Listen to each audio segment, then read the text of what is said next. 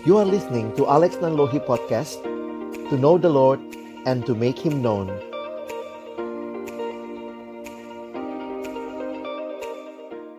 Mari sebelum membaca merenungkan firman Tuhan Kita berdoa. Bapa di dalam surga kami bersyukur untuk kesempatan malam hari ini. Kami berkumpul bersama-sama memuji memuliakan namamu Dan tiba waktunya bagi kami untuk membuka firman-Mu kami mohon ya Tuhan ketika kami membuka firman-Mu, bukalah juga hati kami. Jadikanlah hati kami seperti tanah yang baik. Supaya ketika benih firman Tuhan ditaburkan boleh sungguh-sungguh berakar, bertumbuh, dan juga berbuah nyata di dalam kehidupan kami. Berkati hambamu yang menyampaikan dan setiap kami yang mendengar. Tuhan tolonglah kami semua agar kami bukan hanya menjadi pendengar-pendengar firman yang setia, tapi mampukan kami dengan kuasa dari rohmu yang kudus, kami dimampukan menjadi pelaku-pelaku firman-Mu di dalam kehidupan kami. Bersabdalah ya Tuhan kami umatmu sedia mendengarnya.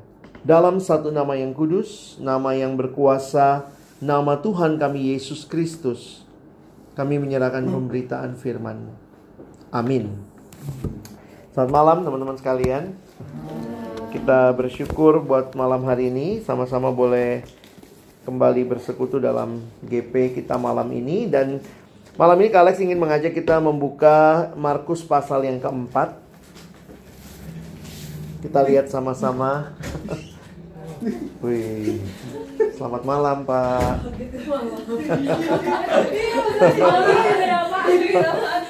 Siap. 86 Iya manusia Tumben, tumben.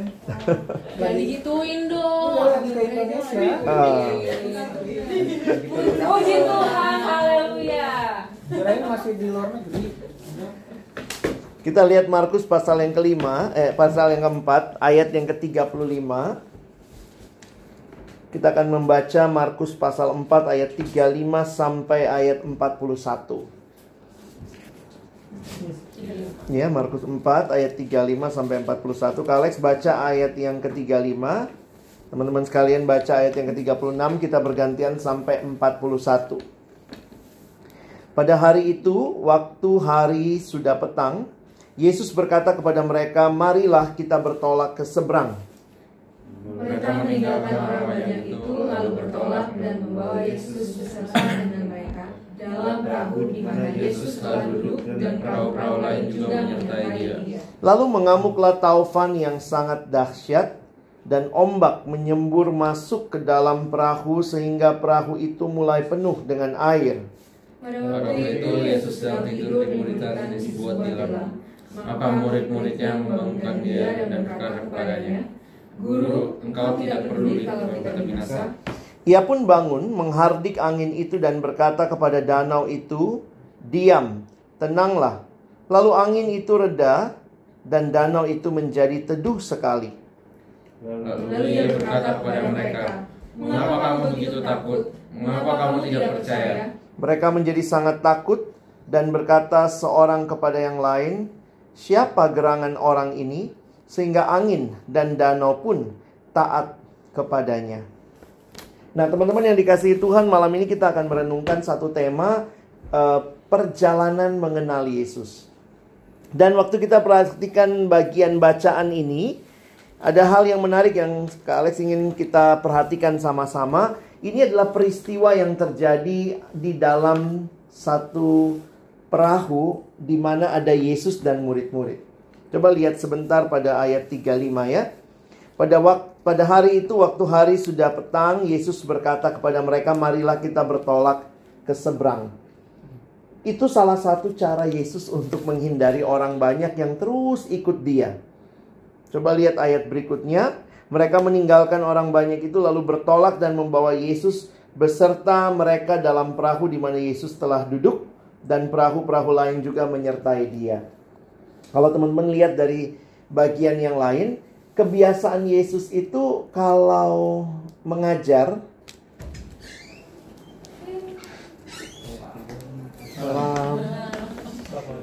Kebiasaan Yesus itu kalau mengajar, Yesus mengajarnya dari atas perahu.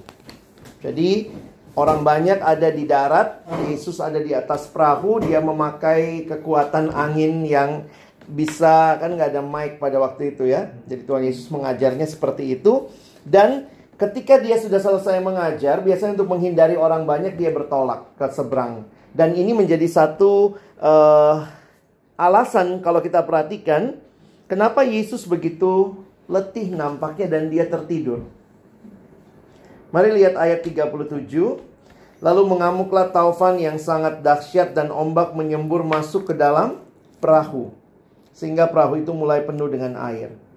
Danau Galilea itu salah satu danau yang secara geografis letaknya itu di bawah permukaan laut. Jadi secara apa ya? Secara geografis itu memungkinkan uh, tekanan angin yang berbeda sehingga sering kali terjadi badai. Jadi ini tentunya bukan uh, hal yang terjadi hanya pada waktu itu, tapi di waktu-waktu yang lain juga sudah sering terjadi badai. Tapi nampaknya badai kali ini lebih hebat. Jadi kalau orang nanya kenapa terjadi badai ya memang karena letak geografisnya Danau Galilea itu. Tetapi dari mana kita bisa melihat ini nampaknya satu apa ya uh, peristiwa yang begitu menakutkan karena murid-murid Yesus kan nelayan di danau Galilea. Bayangkan kalau murid Yesus saja nelayan di danau Galilea sampai panik, ketakutan. Nah, itu yang teman-teman bisa lihat ya di ayat yang ke-38. Pada waktu itu Yesus sedang tidur di buritan. Buritan itu di mana? Bagian belakang. Orang kapal langsung jawab. Ya.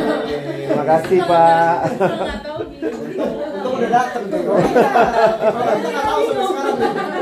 Buritan tuh di bagian belakang ya. nah, memang kalau teman-teman jangan bayangkan juga ini bukan kapal besar kayak yang di uh, apa dikemudikan atau uh, pakai motor gitu ya. Ini kapal layar. Tapi waktu saya coba gali lihat uh, latar belakangnya, kapalnya juga lumayan besar pada waktu itu. Paling tidak kapal itu panjangnya 8,1 meter. Um, lalu lebarnya 2,3 meter dan tingginya 1,4 meter. Jadi dari penggalian arkeologis kapal itu bisa menampung kira-kira sampai 15 orang laki-laki dewasa. Jadi jangan pikir kapal kecil begitu ya dan waktu Yesus tertidur pun itu menunjukkan bahwa tempat itu memang cukup bisa dipakai untuk tidur ya kira-kira begitu. Nah, apa yang menarik untuk kita perhatikan pada waktu itu murid-muridnya membangunkan dia dan berkata, "Guru, engkau tidak peduli kalau kita binasa." Dan Yesus pun bangun menghardik angin itu dan berkata kepada danau itu, "Diam, tenanglah." Lalu angin itu menjadi reda dan danau itu menjadi teduh sekali. Nah, ada kalimat yang menarik di ayat 40. Lalu ia berkata kepada mereka, "Mengapa kamu begitu takut?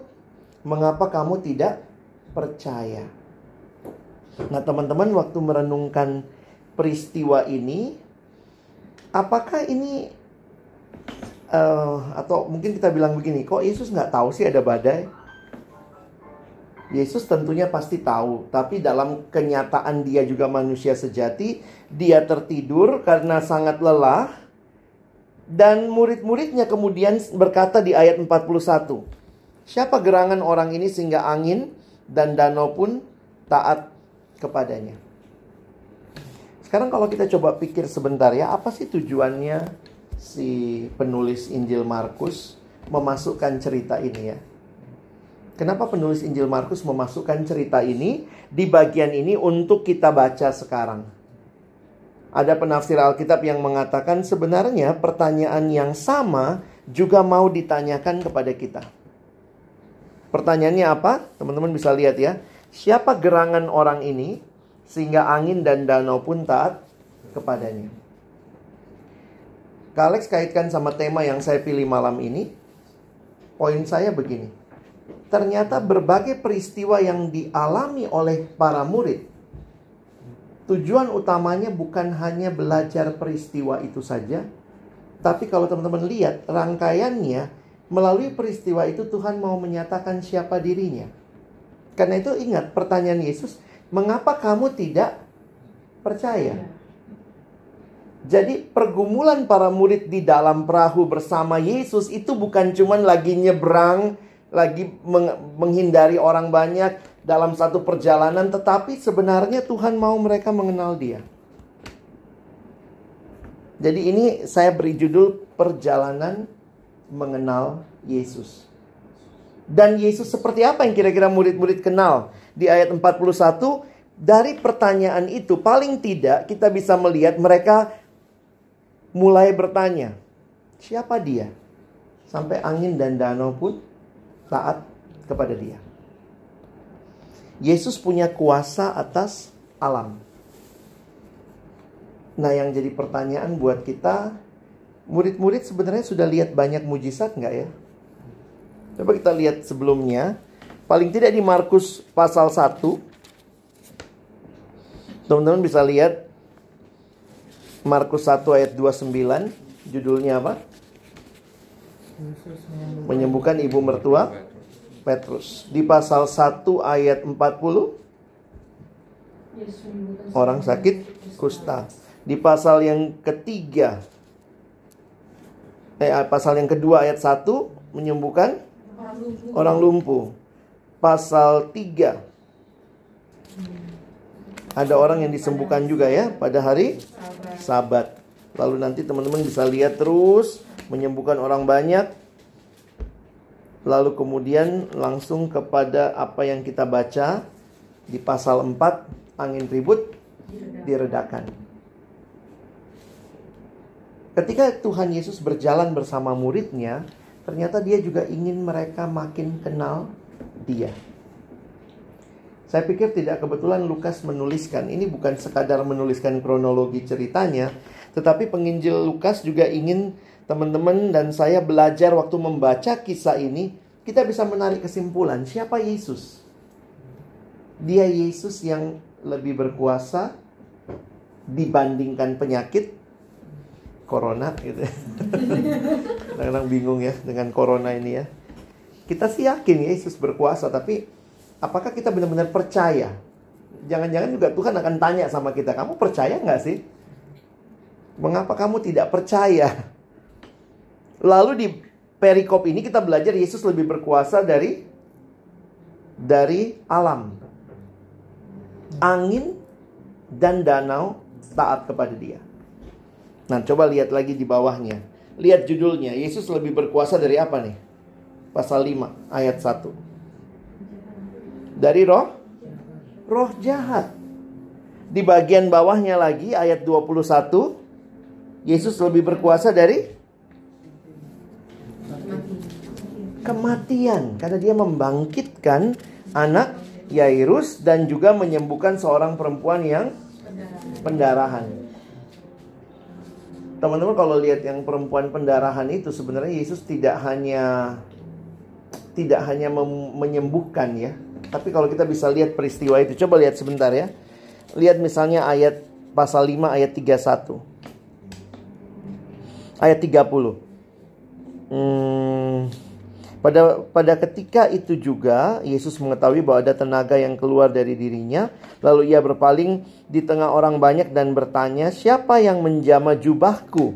Murid-muridnya menjawab, "Engkau melihat engkau melihat bagaimana orang-orang ini berdesak-desakan dekatmu dan engkau bertanya, "Siapa yang menjama aku?" Lalu ia memandang sekelilingnya untuk melihat siapa yang telah melakukan hal itu. Yesus tahu nggak sih perempuan itu men, men, menjama dia? Sebenarnya pasti tahu ya. Kenapa Yesus minta dia ngaku? Apa kira-kira yang Yesus mau lakukan buat dia?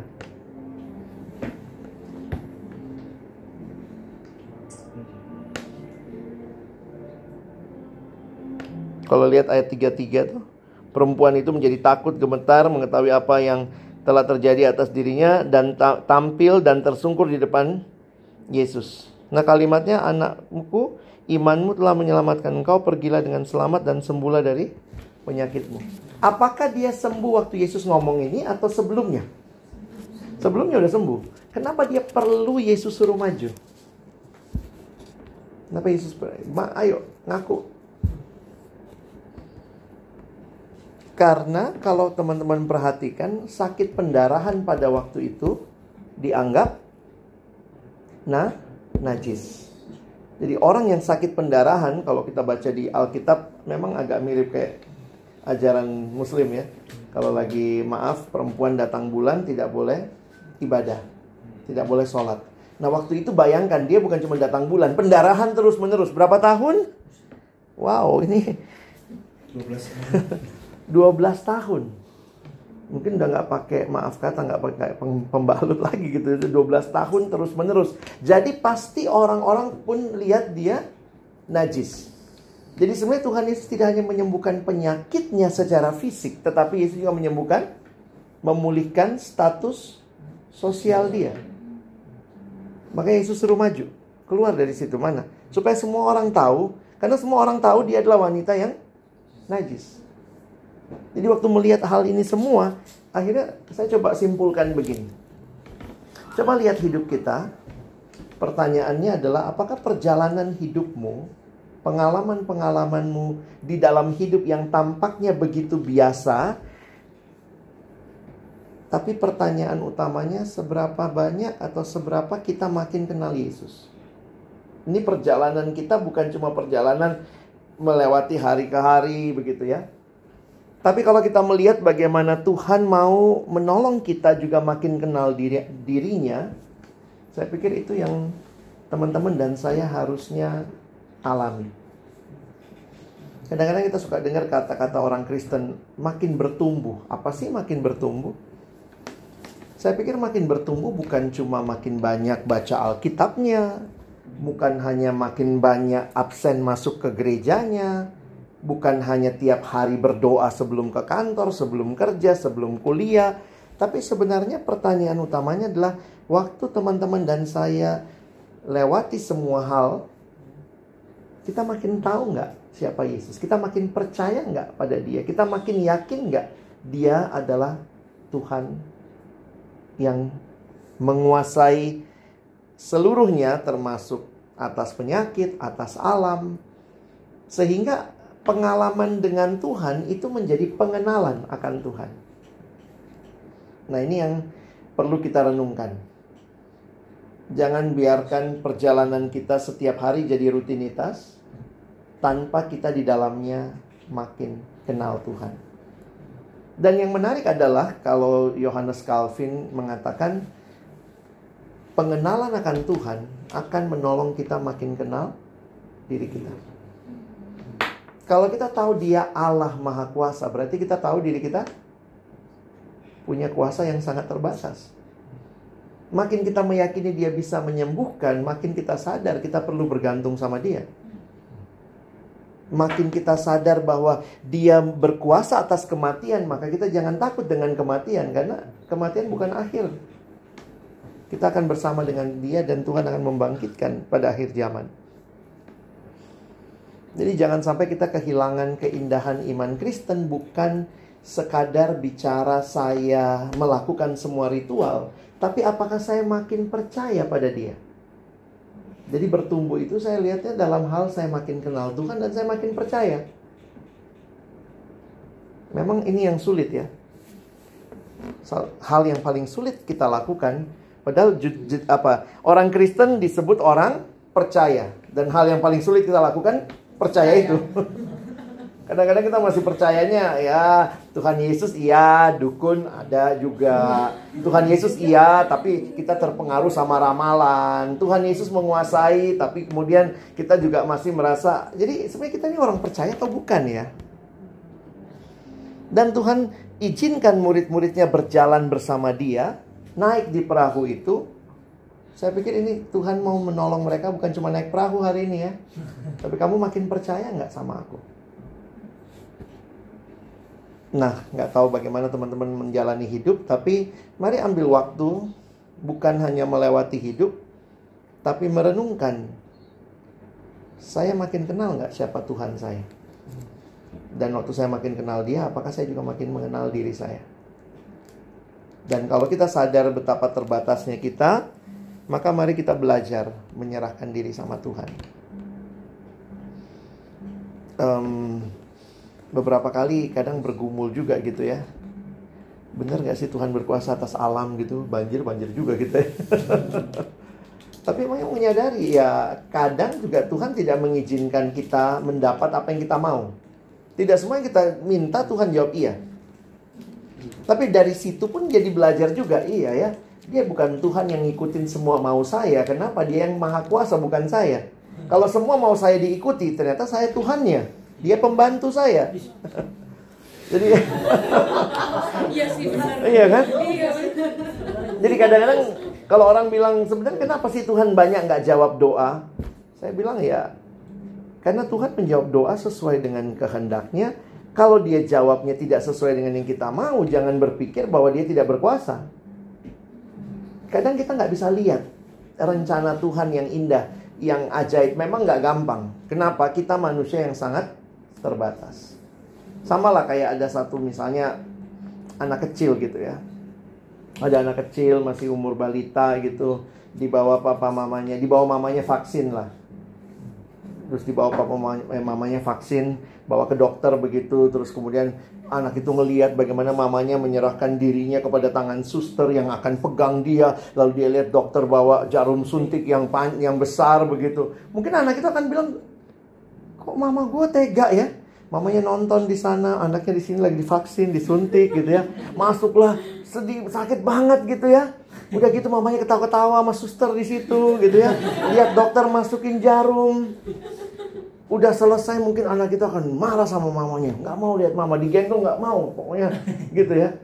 Habis itu tambah kesel lagi dia lihat mamanya kasih duit lagi sama tuh dokter gitu ya. Mungkin dalam pengertian anak kecil yang terbatas dia akan bilang mamanya jahat. Tapi ketika ada wabah wabah penyakit di kampung itu ternyata anak yang survive adalah anak yang divaksin misalnya. Barulah akhirnya pada waktu dia makin dewasa dia akan melihat iya ya Tuhan itu baik.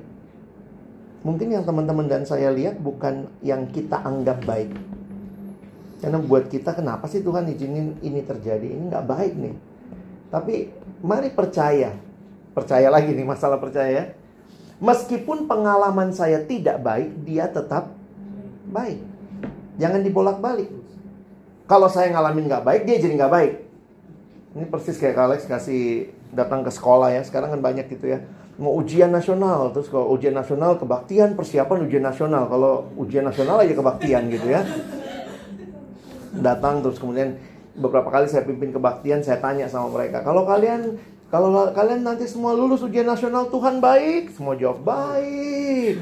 Kalau kalian nggak lulus Tuhan baik, eh, ba- da- gimana? Kalau kita nggak lulus Tuhan baik nggak? Baik, karena dia tidak jadi baik atau nggak baik tergantung pengalaman kita. Kalau saya lagi ngalamin yang baik, oh dia Allah yang baik. Kalau saya lagi nggak baik, dia nggak baik. Jadi sebenarnya siapa yang Tuhan gitu ya?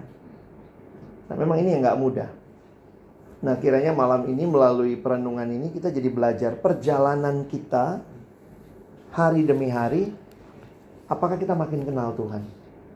Gimana sih melihat hidup dengan terang firman? Nah, saya pikir sih kita perlu punya waktu-waktu untuk merenungkan. Di dalam istilah spiritualitas ada namanya pondering. Jadi namanya pause and pondering berhenti dan merenungkan. Hidup itu jangan cuma dilewati aja, tapi ada waktu-waktu kita pause and ponder.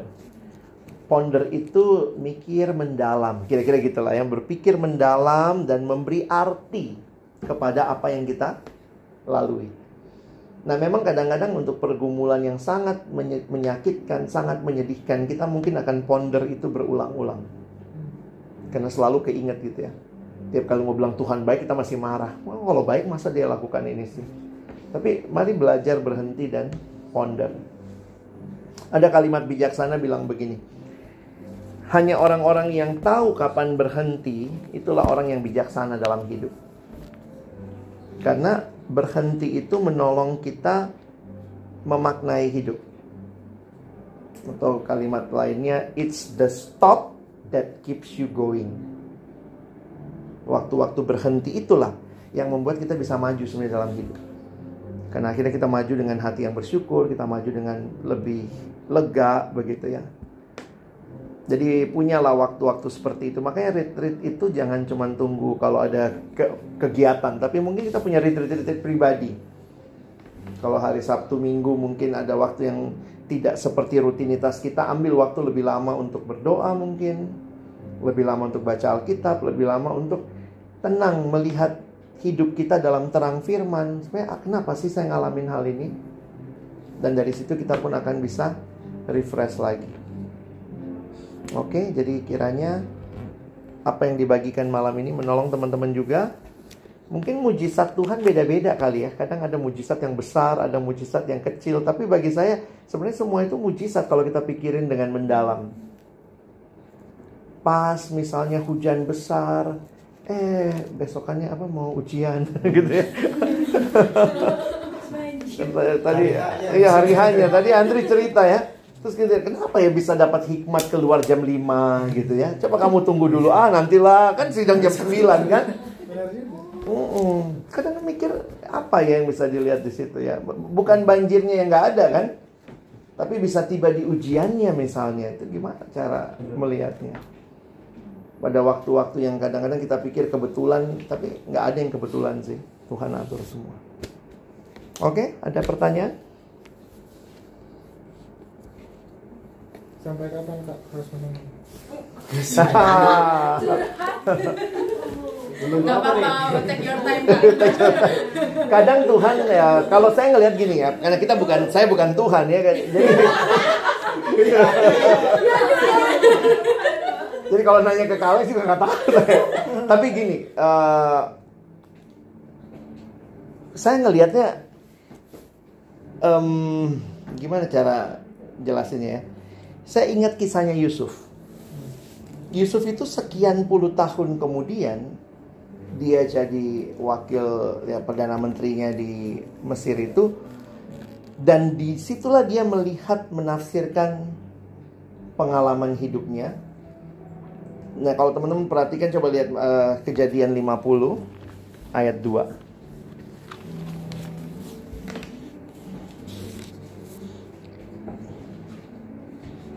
Kejadian 50 bukan ayat 2 ya. Sorry, uh, 20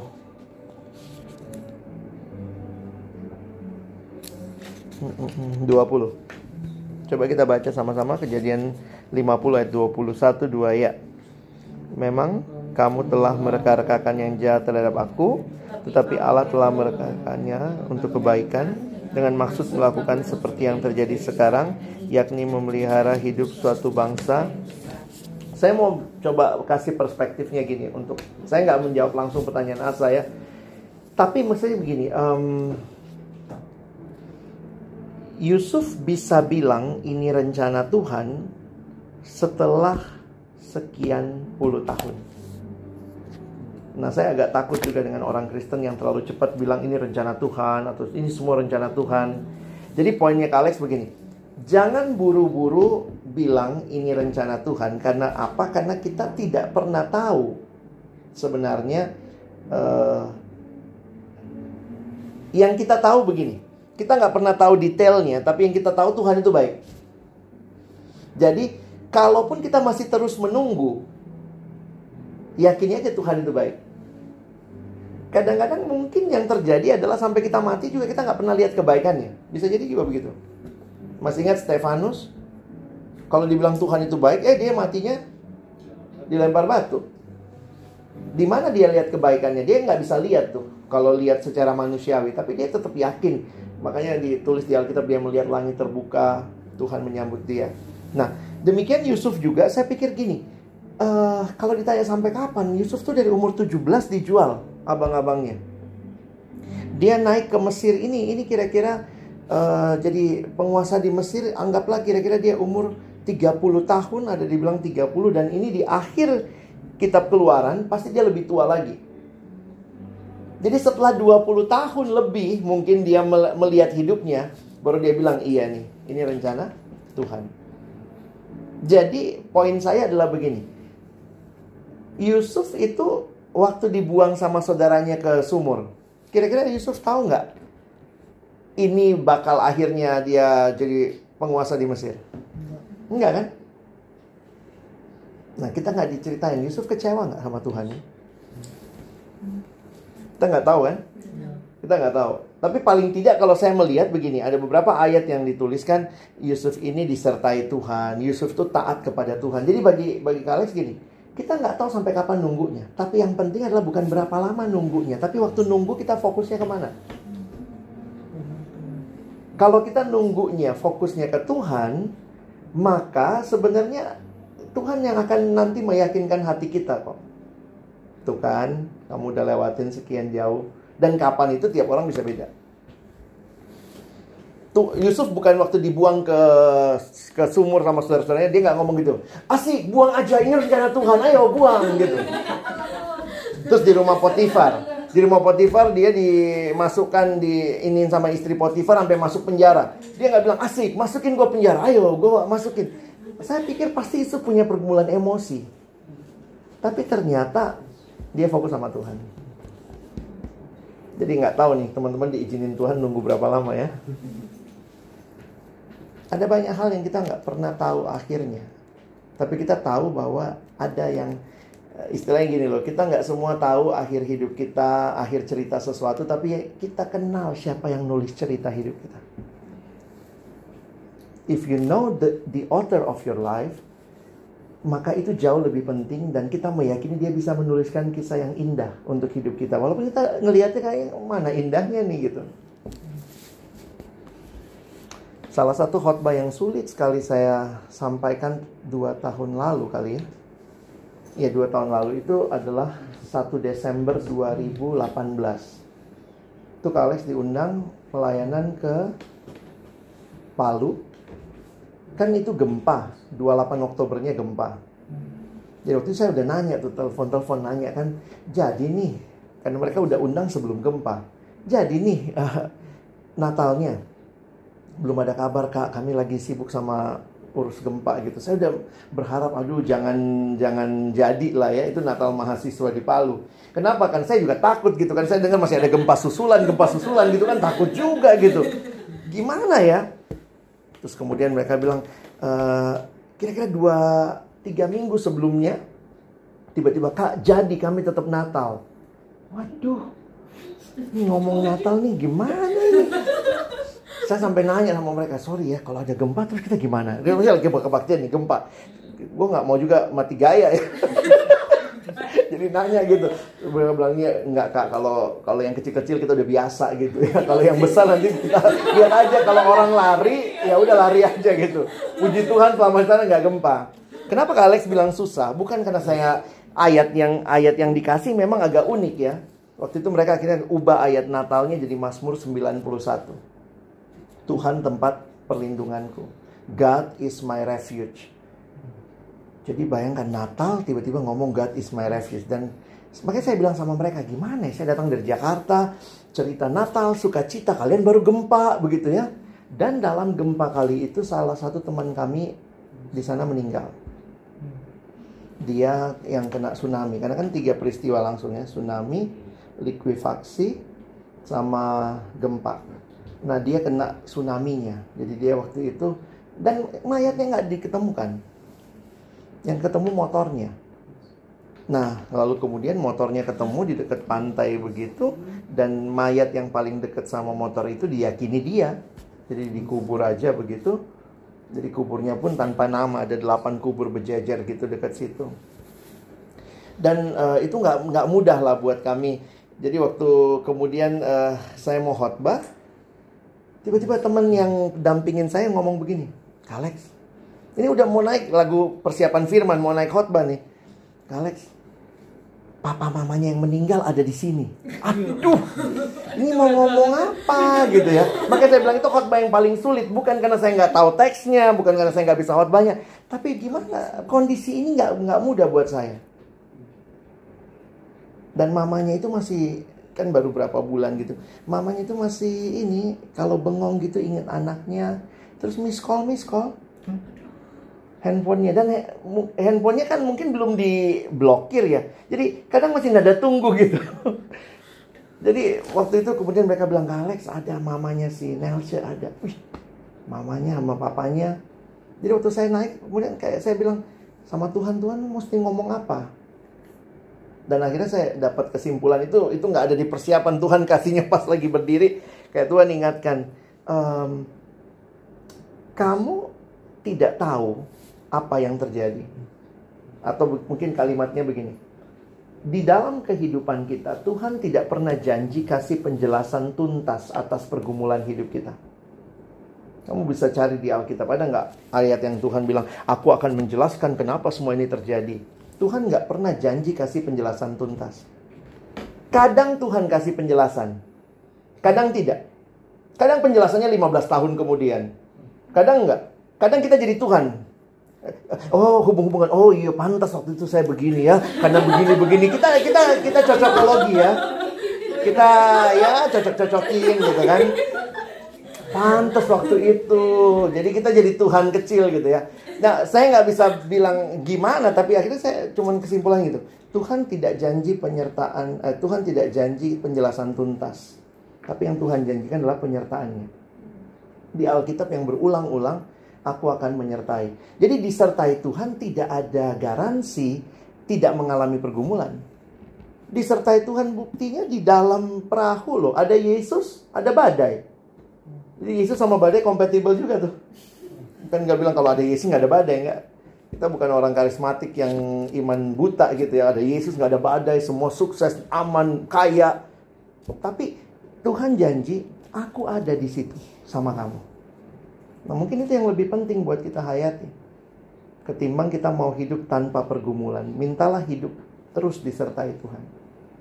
Kalau ayat karisma, eh, kalau kalimat karismatiknya gini ya. Kalau Tuhan tidak pernah janji, jangan minta.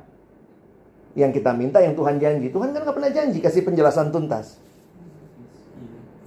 Karena itu, kalau asa balik lagi tanya sampai kapan, tapi Tuhan ada. Nah, adanya Tuhan itu sebenarnya berkat terbesar kita.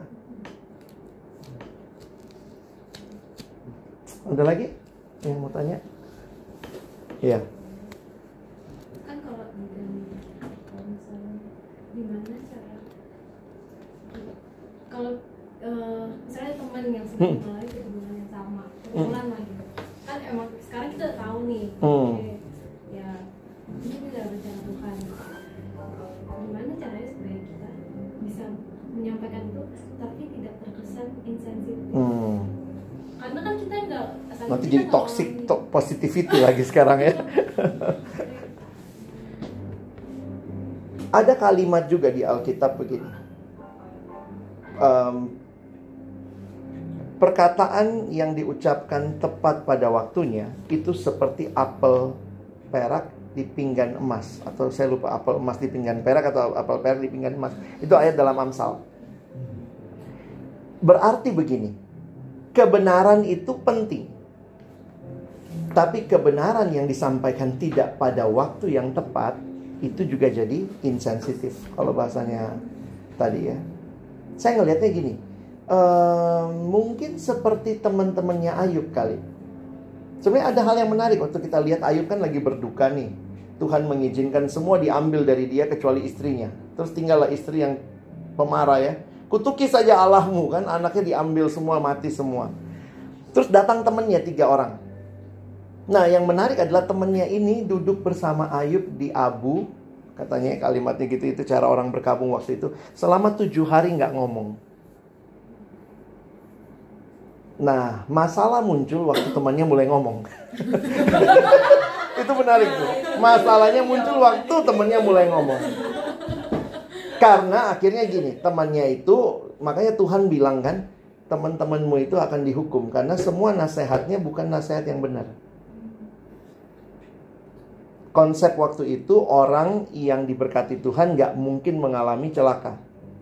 Tapi Tuhan bilang enggak, Ayub, aku berkati, aku sertai, tapi aku izinkan celaka. Kira-kira gitu. Makanya temannya kan datang. Apa kalimat temannya? Yuk ngaku aja, lu ngapain? Nggak mungkin kamu sampai kayak begini kalau kamu nggak bikin dosa. Makanya Ayub bilang, aku mau bikin dosa apa? Ayub bilang, aku udah, udah cek hidupku, aku nggak bikin dosa apa-apa. Nah, poinnya adalah itu kadang-kadang di dalam kedukaan orang, pergumulan orang, mungkin kehadiran kita bersama dia cukup. Jadi jangan jangan terlalu cepat. Kadang-kadang gitu ya, kita yang Kristen itu, oh Tuhan punya rencana. Aduh, yang meninggal papanya, meninggal mamanya, oh Tuhan punya rencana. Gampar juga nih. Makanya akhirnya Ayub bilang, penghibur dasar penghibur sialan kamu semua. Ada kalimat itu, kalimat yang pakai penghibur sialan. Nah, jadi dalam beberapa kasus saya melihat mungkin bersama dengan dia tahu pergumulannya bilang aja uh, aku doain. Nanti kalau sudah mulai agak waras enak diajak ngobrol baru kita coba sama-sama lihat hal itu. Itu kali. Ada lagi satu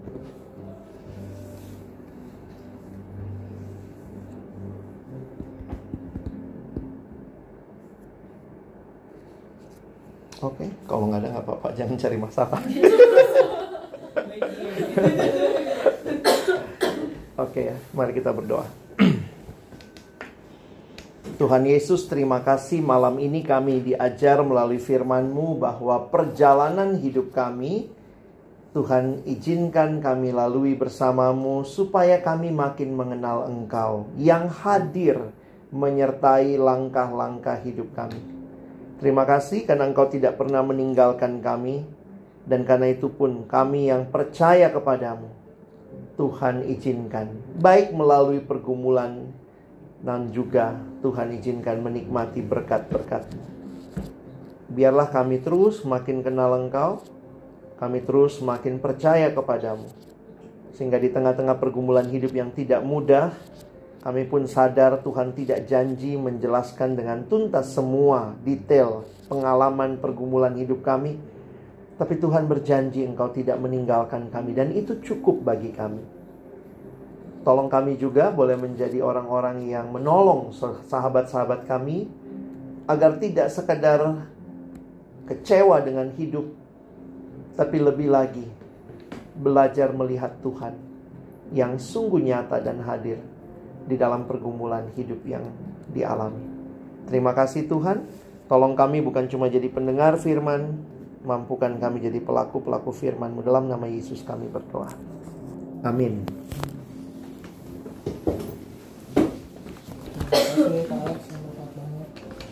Untuk eh, menyambut